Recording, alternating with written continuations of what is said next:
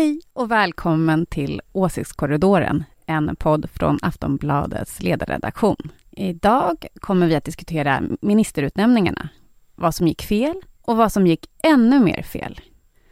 Vi kommer också diskutera Liberalerna, vad som är deras plan, eller om de ens har någon plan. Och sen gräver vi lite djupare i de senaste SCB-mätningarna.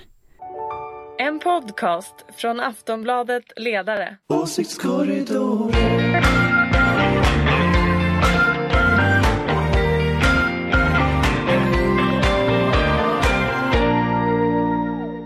Ja, då, då samlas vi här nu i studion. Eh, vi har då ingen programledare här utan eh, Ingvar är och slarvar någonstans uppe i Dalarna. Eh, så här i studion är det då jag, Anders Lindberg. Och Ulrika Schenström som vanligt. Hej, hej, hej! Och Jonna Sima från Aftonbladets ledarredaktion brukar vi säga. Ja, det brukar vi Ja. säga ja. Och det är vi då. Eh, men i alla fall så vi får då utan Ingvars stöd här prata själva.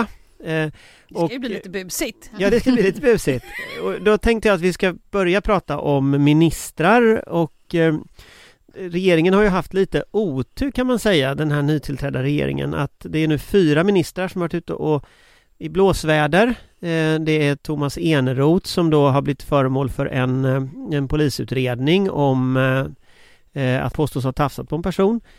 Det är Annika Strandhäll som har haft ett antal betalningsanmärkningar. Det är en kulturminister, Jeanette Gustafsson, som har väl en ren grodfabrik av olika grodor som hon har sagt om, om olika saker. Och nu senast idag när vi spelar in det här så har då eh, civilministern Ida Karkiainen eh, avslöjats med att när hon som 15-åring då uppges ha heilat på en bild som, som då Nyheter Idag, en SD-anknuten sajt, fick tag på. Så det är fyra ministrar.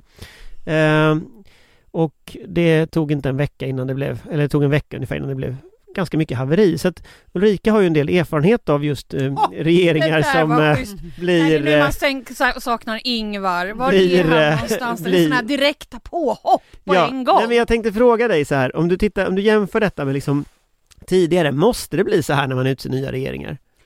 Ja, det verkar ju som det är det som eh, media tycker är roligt att fokusera på. Sen verkar det ju också vara väldigt många partivänner som är jätteduktiga på att bidra med, med bilder och, och andra saker som, som eh, människor som alltid eh, har både positiva och negativa sidor. Det finns ju inte någon som är perfekt och snövit. Så att det var ju uppenbarligen Jan Emanuel Johansson som har polisanmält Det var lite ehm, oväntat ändå. Enroth. Ehm, och ehm, det var ju vänligt av honom. Ehm, så, och, I sak har han ju rätt att det borde utredas. Absolut, det är saker är rätt. Men liksom Men, men, men med sådana vänner. sådana vänner. Och sen den här uh, Haila-bilden som jag inte har någon aning om, den kan ju inte bara dykt upp. Så, så bra journalister har vi inte. Ni vet, de kommer inte kunna gräva upp det där själv, utan det är lite fördelning av från fina vänner i partiet som hjälper till. Jag tror att det, tror ni inte det är någon vän i något annat parti just Nej, det nu, brukar eller? faktiskt vara det egna partiet som är allra värst faktiskt. Men, men för, för jag tänker lite så här, för, Hur många partister Men jag menar, det eller att det kan socialdemokrater finnas, finns det i Haparanda? Ja. kan ju finnas eh, de andra partier som är vänliga nog att att skicka in bilder och så, absolut. Mm. Men, men jag skulle nog säga att det är dina partivänner som ju eh, kanske är allra värst. För att det, Men- det men- handlar ju om positioner och någon men jag- vill jag ha tänker- någonting och då är mediedomstolen det enklaste att eh, ta över jobbet som någon man vill ha. Liksom. Men men jag tänker att alltså, jag, jag vi kommer inte exakt ihåg om det var så här innan Fredrik Reinfeldts första regering. Men, men jag har lite jag har någon sån här minnesbild ändå att det, så här var det inte förr när Nej, man utsåg regeringar. Men jag har Utan att- faktiskt en vänta. tes här. Utan det hände någonting i den, i den eh, regeringen 2006 där med Reinfeldt. För det var liksom Det var tv-licenser och det var svartjobb och det var det ena med det andra med det tredje som dök upp.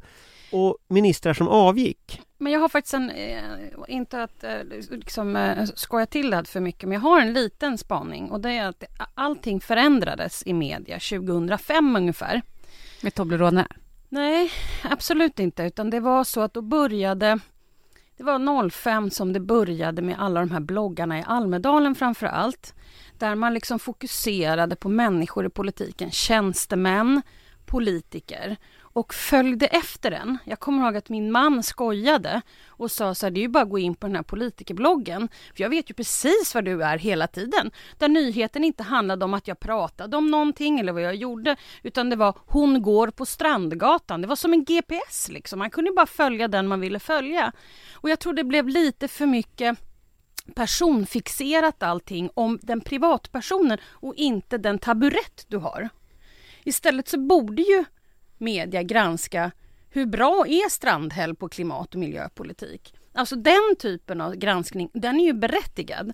Men att granska bara privatpersonen hela tiden, det tror jag är fel. Och jag tror det där kommer att vända, för jag tror inte att folk... Jag, jag tror inte att vanligt folk tänker så här, oh, vi måste ha snövita ministrar och statsråd och tjänstemän. Utan jag tror att man vill ha människor som faktiskt är som skrot och korn, nämligen både har bra och dåliga sidor. Och att man kan ha gjort någonting dumt när man var 16 och det kan inte vara, sitta i vägen för att man är en jätteklok, kanske blivande eh, statsråd eller så i framtiden när man är 45. Alltså jag tycker inte att det är, det är inte riktigt rimligt. Nej, men jag tror verkligen att det var runt där 05 som det hände något. Förlåt, jag ska vara tyst. Nej, men jag tror också att folk, folk vill inte ha robotpolitiker. Alltså Anna Kinberg Batra fick ju höra det mycket och sådana som kanske är snövita då, eh, har ett snövitt förflutet i alla fall. Eh, utan man efterfrågar ju mycket människor, alltså som Annika Strandhäll verkligen personifierar. Hon är ju en person som uttrycker känslor och, och gärna sina personliga åsikter om ditt och datt. Um, och det uppskattas ju av många. Hon har liksom, ja, vi vet väl mer om Annika Strandhäll än till exempel Magdalena Andersson. Vi vet om hennes mamma som var ensamstående som gick bort och som hade ett tufft liv och ja, vi, vi vet om hennes sambo och sådär. Uh, så att hon är ju mer ja, hon är i det här gränslandet mellan kändis och politiker.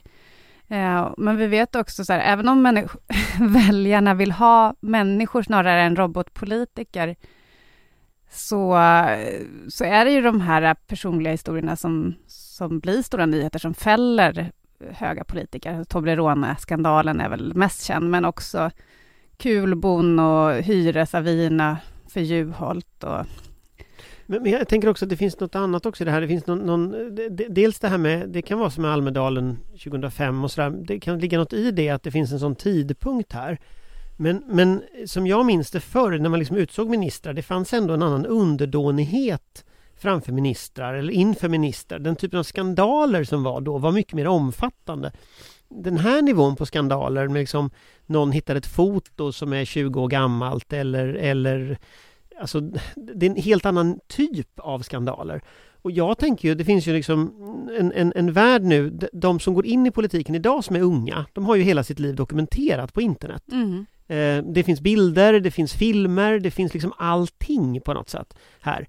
Eh, och, och det, det kom, frågan om det kommer att öka eller minska intresset för sådana här saker. Ja, men det är ju intressant att Ulrika spaning där om eh, något slags paradigmskifte 2005 det var väl ungefär då som den här civilministern var 15 när den här bilden togs. Alltså, det var väl då liksom bild, sociala medier och sånt där eh, började, ja, 2007 kanske Facebook och så kom, men, men i alla fall att vi, jo, vi fick en annan, annan bild eh, Ja, eller man bevakade politiken mer som om det vore Robinson och inte läste igenom ordentligt budgetförslag och så vidare. Och jag kommer ihåg det där det där var, det där kan, ja det är nog 05 som det där liksom verkligen intensifieras. Där det är privatpersonerna som ska, ska för, framstå och inte liksom vilken taburett du har eller vad det är för jobb du har.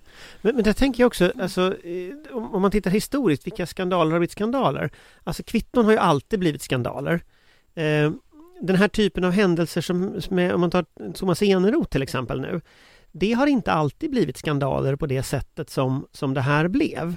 Och eh, polisutredningar har ju alltid varit det naturligtvis och så, men till exempel om man tar, om man tar polisutredningen om, om Ebba Busch till exempel, så, så den har ju så här kommit och gått eh, och, och eh, hon har erkänt sig skyldig till, till grovt förtal, vispat bort det och frågan är ur världen. Så, så det har ändå också hänt något annat intressant, att den typen av saker som förr hade liksom slagit ner en elefant idag inte gör det. Nej men du har ju post metoo, alltså också med alltså, lagstiftningen stiftningen har ändrats, att vi har samtyckeslagen och sådana saker, men du har ju också en hel, en hel generation som fått en ny begreppsapparat för obehagliga fysiska närmanden och kan ja, men både sätta ord och veta att det är fel och att det går att polisanmäla. Det ligger inte bara hos dig själv, eh, skulden. Men samtidigt så ligger det också i ledarskapet i politiken. Att eh, det är ju ledarskapet i politiken som sätter ribban för vad som är okej och inte. Det kan ju inte mediedomstolen göra. Om till exempel Magdalena Andersson eh, helt plötsligt säger att det här var inte okej och du får gå. Ja, då vet man, där ligger ribban. Och blir ribban lägre och lägre och lägre till slut så kan ju inte någon göra någonting alltså.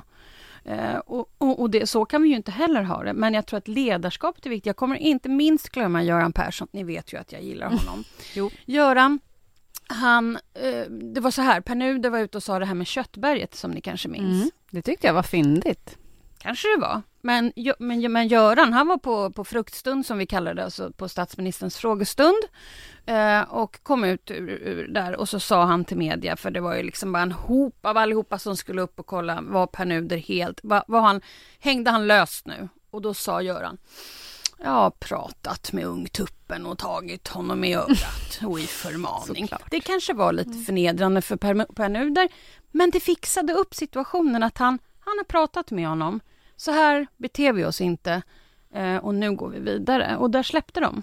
Så det handlar ju också om ett ledarskap i politiken. Hur långt är man beredd att låta media gå? Mm. Och sen handlar det ju en hel del också om om du vågar gå ut och möta media. Carl Bildt har ju varit med om så mycket saker, så det kan man ju säkert skriva en hel bok om. Men han går ju hela tiden ut och pratar med media och har liksom en diskussion och säger nej, du har helt fel och sådär. Och frågan är fel ställd. Frågan är fel ställd och sånt där. Så det, det, är ju lite grann hur du själv förhåller dig till det. Men jag tror också att media kanske ska fokusera lite mer på själva taburetten och innehållet i den taburetten än att alltid bara ta emot material från fiender som hellre också vill bli miljö och klimatminister. så att Nej, men jag hoppas till exempel att Magdalena Andersson, alltså på henne låter det mycket som med Thomas Eneroth-fallet, att det här är utrett nu efter Ja, ja men hon har ju tagit ett ledarskap där. Ja, men jag därför hoppas det... att hon hade också tagit att... Därför tycker inte jag att jag ser att det växer. Nej, men... Ja, nu, nu är det ju civilministerns. Ja, nej, men vi får, vi får väl se. Det, ligger, det är ju som polisutredning som ja, pågår. Ja, så vi får se var det landar. Men jag hoppas att um, hon ändå är så pass mycket ledare att hon, alltså även om hon inte säger det utåt, att hon pratar med honom om de här kramarna han kanske då gör eh, som var, fungerade för ett par år sedan utan att någon reagerade, men som idag får vissa att eh, liksom, ja, faktiskt gå så långt att man tycker att det är värt en polisanmälan. Eh, så att man vågar faktiskt ta de här obekväma samtalen. Men det, det är också en fråga, så här, eh, har, har Magdalena Andersson schabblat i sin bakgrundskontroll på ministrarna? För jag menar, de, flera av de här sakerna som vi pratar om nu, de måste ju vara kända innan. Alltså kanske inte Jeanette Gustafssons grodor kanske inte var kända innan men, men det är ju inte första gången hon inte säger den här konstiga... bilden på en 15-åring heller. Nej men jag tänker om, om det nu var en miljö som hon kom ifrån, Ida Kärkinen, så, så kanske det är oklokt att säga jag är snövit. För det är ju en inbjudan till media att granska. Ja, det kan man verkligen säga. Eh, så, så, så jag menar, man väljer ju också själv och det är likadant om man hade den här historien med Eneroth till exempel det är svårt kanske att lägga korten på bordet i en sån sak men, men, men man kan ju hantera det på ett annat sätt. Man kan säga att han får vänta med att tillträda eller att han får ta en time-out. Alltså man kan göra på många olika sätt mm. eh, kring det här. Eh, har hon schabblat liksom med, med bakgrundskontrollen? Det kan vi ju aldrig veta. Alltså, alltså sådana här bilder som ja, det här Highlander-bilden då. Men den kan, kan de ju inte ha vetat om. Det kan de inte ha vetat om. Det kan man, det man, kan inte, man kan inte lämna in till, till statsministern en hel låda med, med bilder från förr. Nej, den var ju lite Gå igenom svår alla familjealbum och, och, och allting. Det är ju omöjligt. Men däremot så, vi på ledarsidan ansåg ju att hon borde väntat med Jenneroth. Eh, ja, att han kanske var den stora överraskningen. Just eftersom vi inte vet riktigt vart det här landar än. Um, och sen Strandhälls betalningsanmärkningar som ändå har gått till Kronofogden för indrivning, det är rätt långt. Um, det är inte så svårt att ta reda på i en förkoll. Men det borde de väl ha vetat om? Ja, man tycker ju det. Det, det var lite slarv. det får Magdalena Andersson ta på sig. Men det är en intressant fråga, hur mycket man måste göra. Om man tittar på, på andra ämnen och andra frågor just nu så är det ju en del som rör sig i riksdagen också, eh, som är. Eh, vi såg igår var det va, tror jag, så anslöt sig väl Kristdemokraterna till det här kravet om misstroendevotum mot Strandhäll om de inte beslutar om slutförvar för kärnkraften. Eh, vad handlar det här om egentligen? Ska vi börja med Jonna? Ja, alltså eh, kärnkraften har ju blivit en stor stridsfråga. Eh, men jag tycker det känns lite absurt att man eh, hotar med misstroende mot en helt nytillträdd miljö och klimatminister eh, som lovar ett svar liksom, väldigt snart. Så det, det, känns lite överilat, men det är ju också ett desperat parti som behöver uppmärksamhet. Alltså det visade ju den här SCB-mätningen som vi pratade om i förra veckan, där de fick 2,5 procent bara. Så de ligger ju häng... Alltså, det är ett krisparti. Eh, så att det förklarar nog mycket varför man gör det här utspelet. Men nu har ju Kristdemokraterna hängt på det och de är ju också, de är också ett krisparti. Så att, eh, eh men det har blivit, det har blivit någon eh, det här med misstroendevotum, alltså det, det... Det har eh, använts förr ja, och det funkar det... aldrig därför att då blir sånt ofokus på innehållet. Jag tror inte att, att eh, folk gillar det. Nej, och sen är det väl så att det är, man kanske har tänkt att eh, nu är hon i fokus. Då får vi ännu mer liksom, tid i etermedia. Och få slå lite på henne. Ja. Men där är väl en förändring över tid, tänker jag också. Alltså, ja, det där kommer och går. Alltså det, det, kom, ja, precis, det går upp och ner på något sätt. Vänsterpartiet körde ju misstroendevotum hotade misstroendevotum mot Eva Nordmark till exempel om Arbetsförmedlingen. Och, och så, så, det har ju varit lite upp och ner men det är ju väldigt få ministrar inom historien som ändå har fallit i konkreta misstroendevotum. Det är väl Löfven? Ja, eh, men, men annars så är det ju mest just hot som det är. Ja men det är samma sak som KU-anmälan. Mm. Du vet, man får är lite... misstroendevotum den nya KU-anmälan? Ja, det är liksom same same i och för sig. Man kan väl, de håller väl på med båda sakerna. Det är liksom cirkus. Det är bara cirkus. Jag, jag, jag så... Det är väl att visa lite handlingskraft och att man försöker... Man, får, man får vara med på Ekot kanske. Och så får ja. man vara med så får man tala om att nu tycker jag så här och därför KU-anmäler XYZ-partiet den här statsrådet. Men du som är så här gammal stjärnvalsstrateg, varför skriver man inte en debattartikel då istället? När du analyserar dem nu? Ursäkta? När du analyserar hur, deras agerande nu, varför gör de ingen debattartikel eller så? Ja, det, det, görs ju ibland också, kommer och går. Det, det får inte samma spridning kanske? Nej, och sen är det ju jättejobbigt att sätta sig och skriva en hel artikel. Det är ju 6500 tecken, då ska man ju hålla på med det också. Jag tycker det är jättebra, för då har man ju fått skriva av sig det man verkligen vill säga. Men det är väl kanske enklare att ringa TT. Mm. Ja, nej men eh, det, de gör mycket märkligt just nu, Liberalerna. Ehm, det här med att de till exempel inte heller ville stödja den här MKD-SD-budgeten på grund av sänkningen av bensin och dieselskatt. Det var ju så otroligt viktigt för dem, så det, då, det gick inte att samarbeta med dem kring budgeten för den frågan.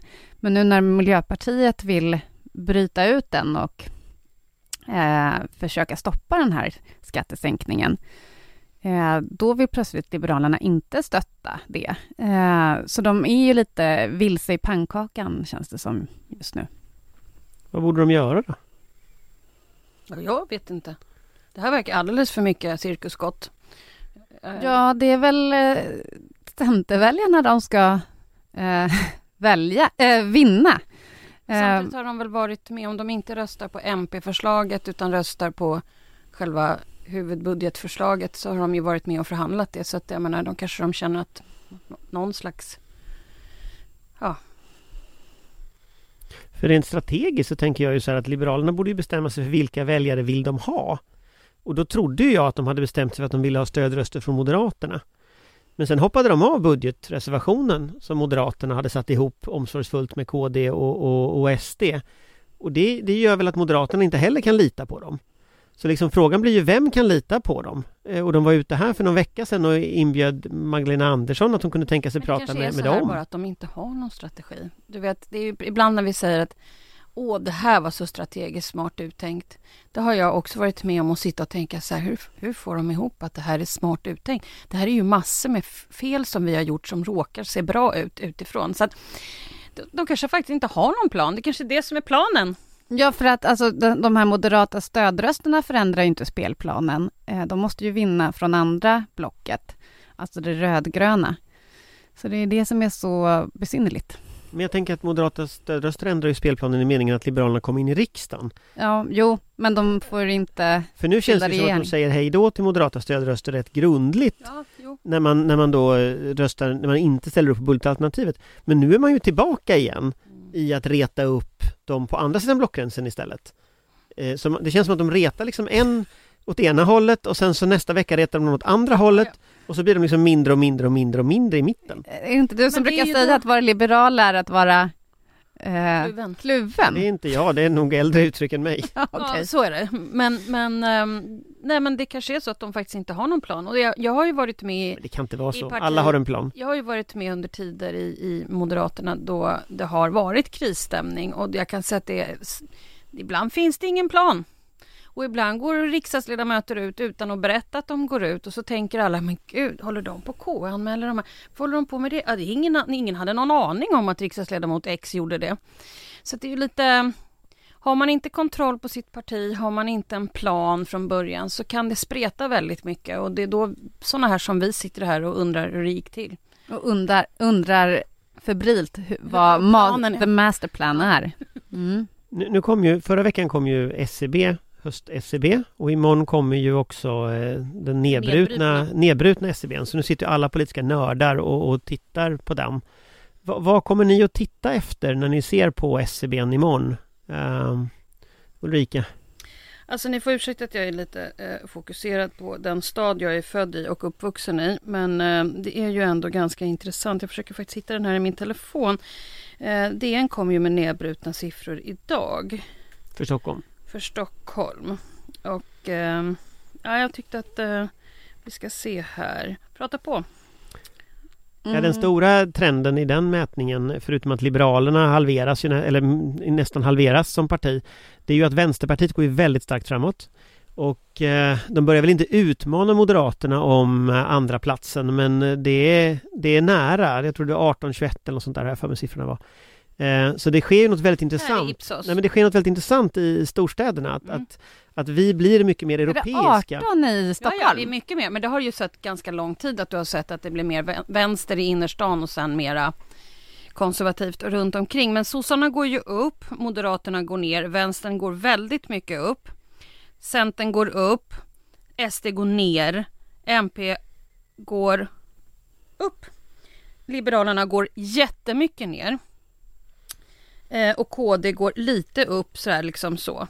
Så att ja, men det är ju den här eh, Europe, alltså det här har hållit på i fem års tid att, att folk i men det är också väldigt, vänster. Men det är också väldigt tydligt att de partier som samarbetar med Sverigedemokraterna åker på däng ja, eh, av storstadsväljarna och tittar vi historiskt så är det ju marginalväljare i storstäder som avgör val i ganska hög utsträckning. Förutom det faktum att det bor ju faktiskt ganska många i Stockholm. Ja. Så rent men det här är då Stockholms kommun, bara så att vi inte pratar om mm. varandra. För Nej, men det, men det kanske kommer se annorlunda ut nämligen tror jag. Det talar ju emot. Du ska kolla på Stockholms län. Jag ska titta på båda. Det är ju jätteintressant för att det kommer ju skiljas.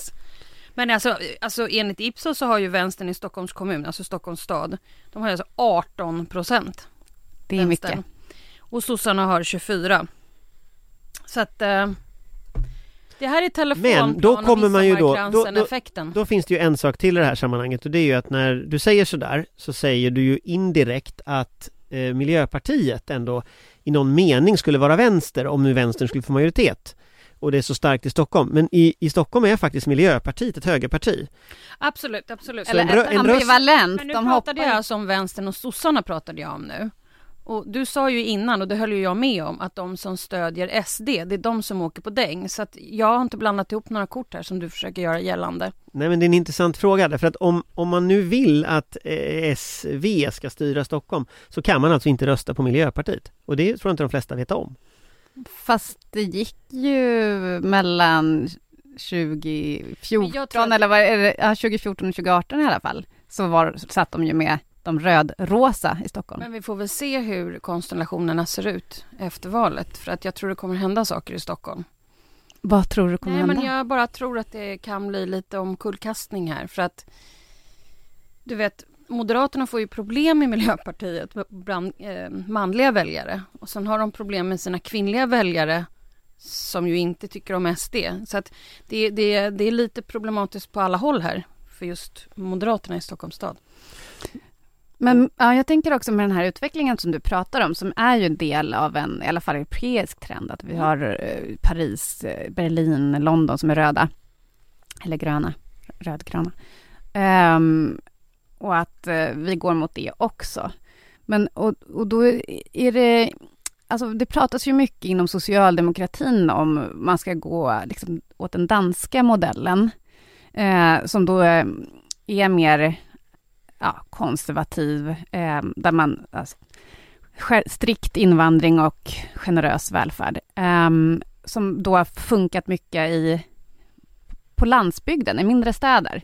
Eh, en äldre må, eh, väljargrupp, medan man har skjutit ifrån sig eller stött bort unga urbana väljare.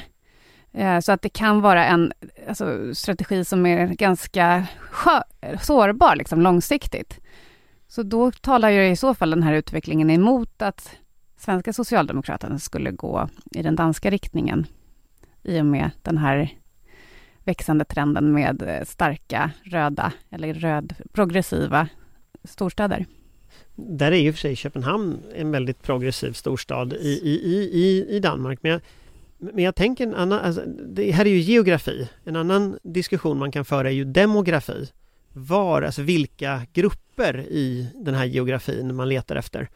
Och en sak som jag tror man ska titta efter i SCB och man ska titta efter framöver nu eh, utifrån Magdalena Anderssons strategi det är de här manliga LO-väljarna som man har pratat mycket om på senare tid.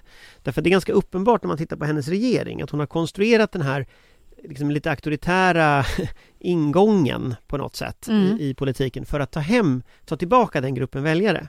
Och där kommer nog S i alla fall att titta väldigt, väldigt mycket på hur rör den gruppen sig? Rör den sig från SD mot S?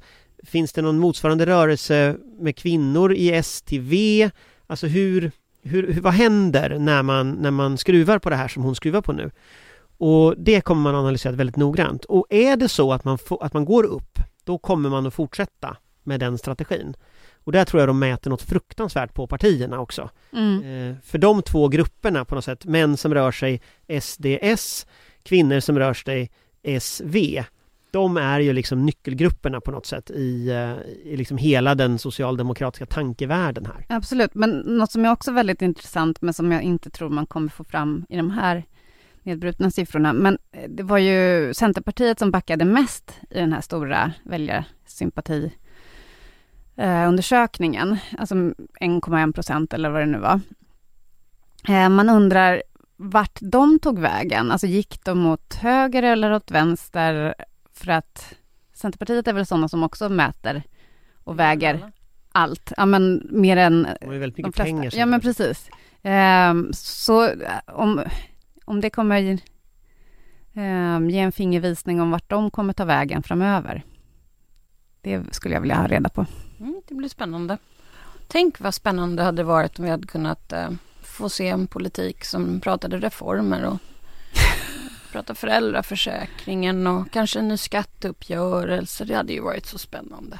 Det är inte lika spännande som en heilande 15-åring. Nej, verkligen. Med de orden så kanske vi ska lämna det här. Ja, då får vi tacka för oss. Eh, då får vi tacka varandra. Eftersom Ingvar inte är här så får vi tacka varandra allihopa. Vi tackar varandra. Var vi busiga idag? Lite busigare. Och så får vi tacka lyssnarna. Absolut. Tack, tack. Tack, tack. tack. Hej då. En podcast från Aftonbladet Ledare. Åsiktskorridoren.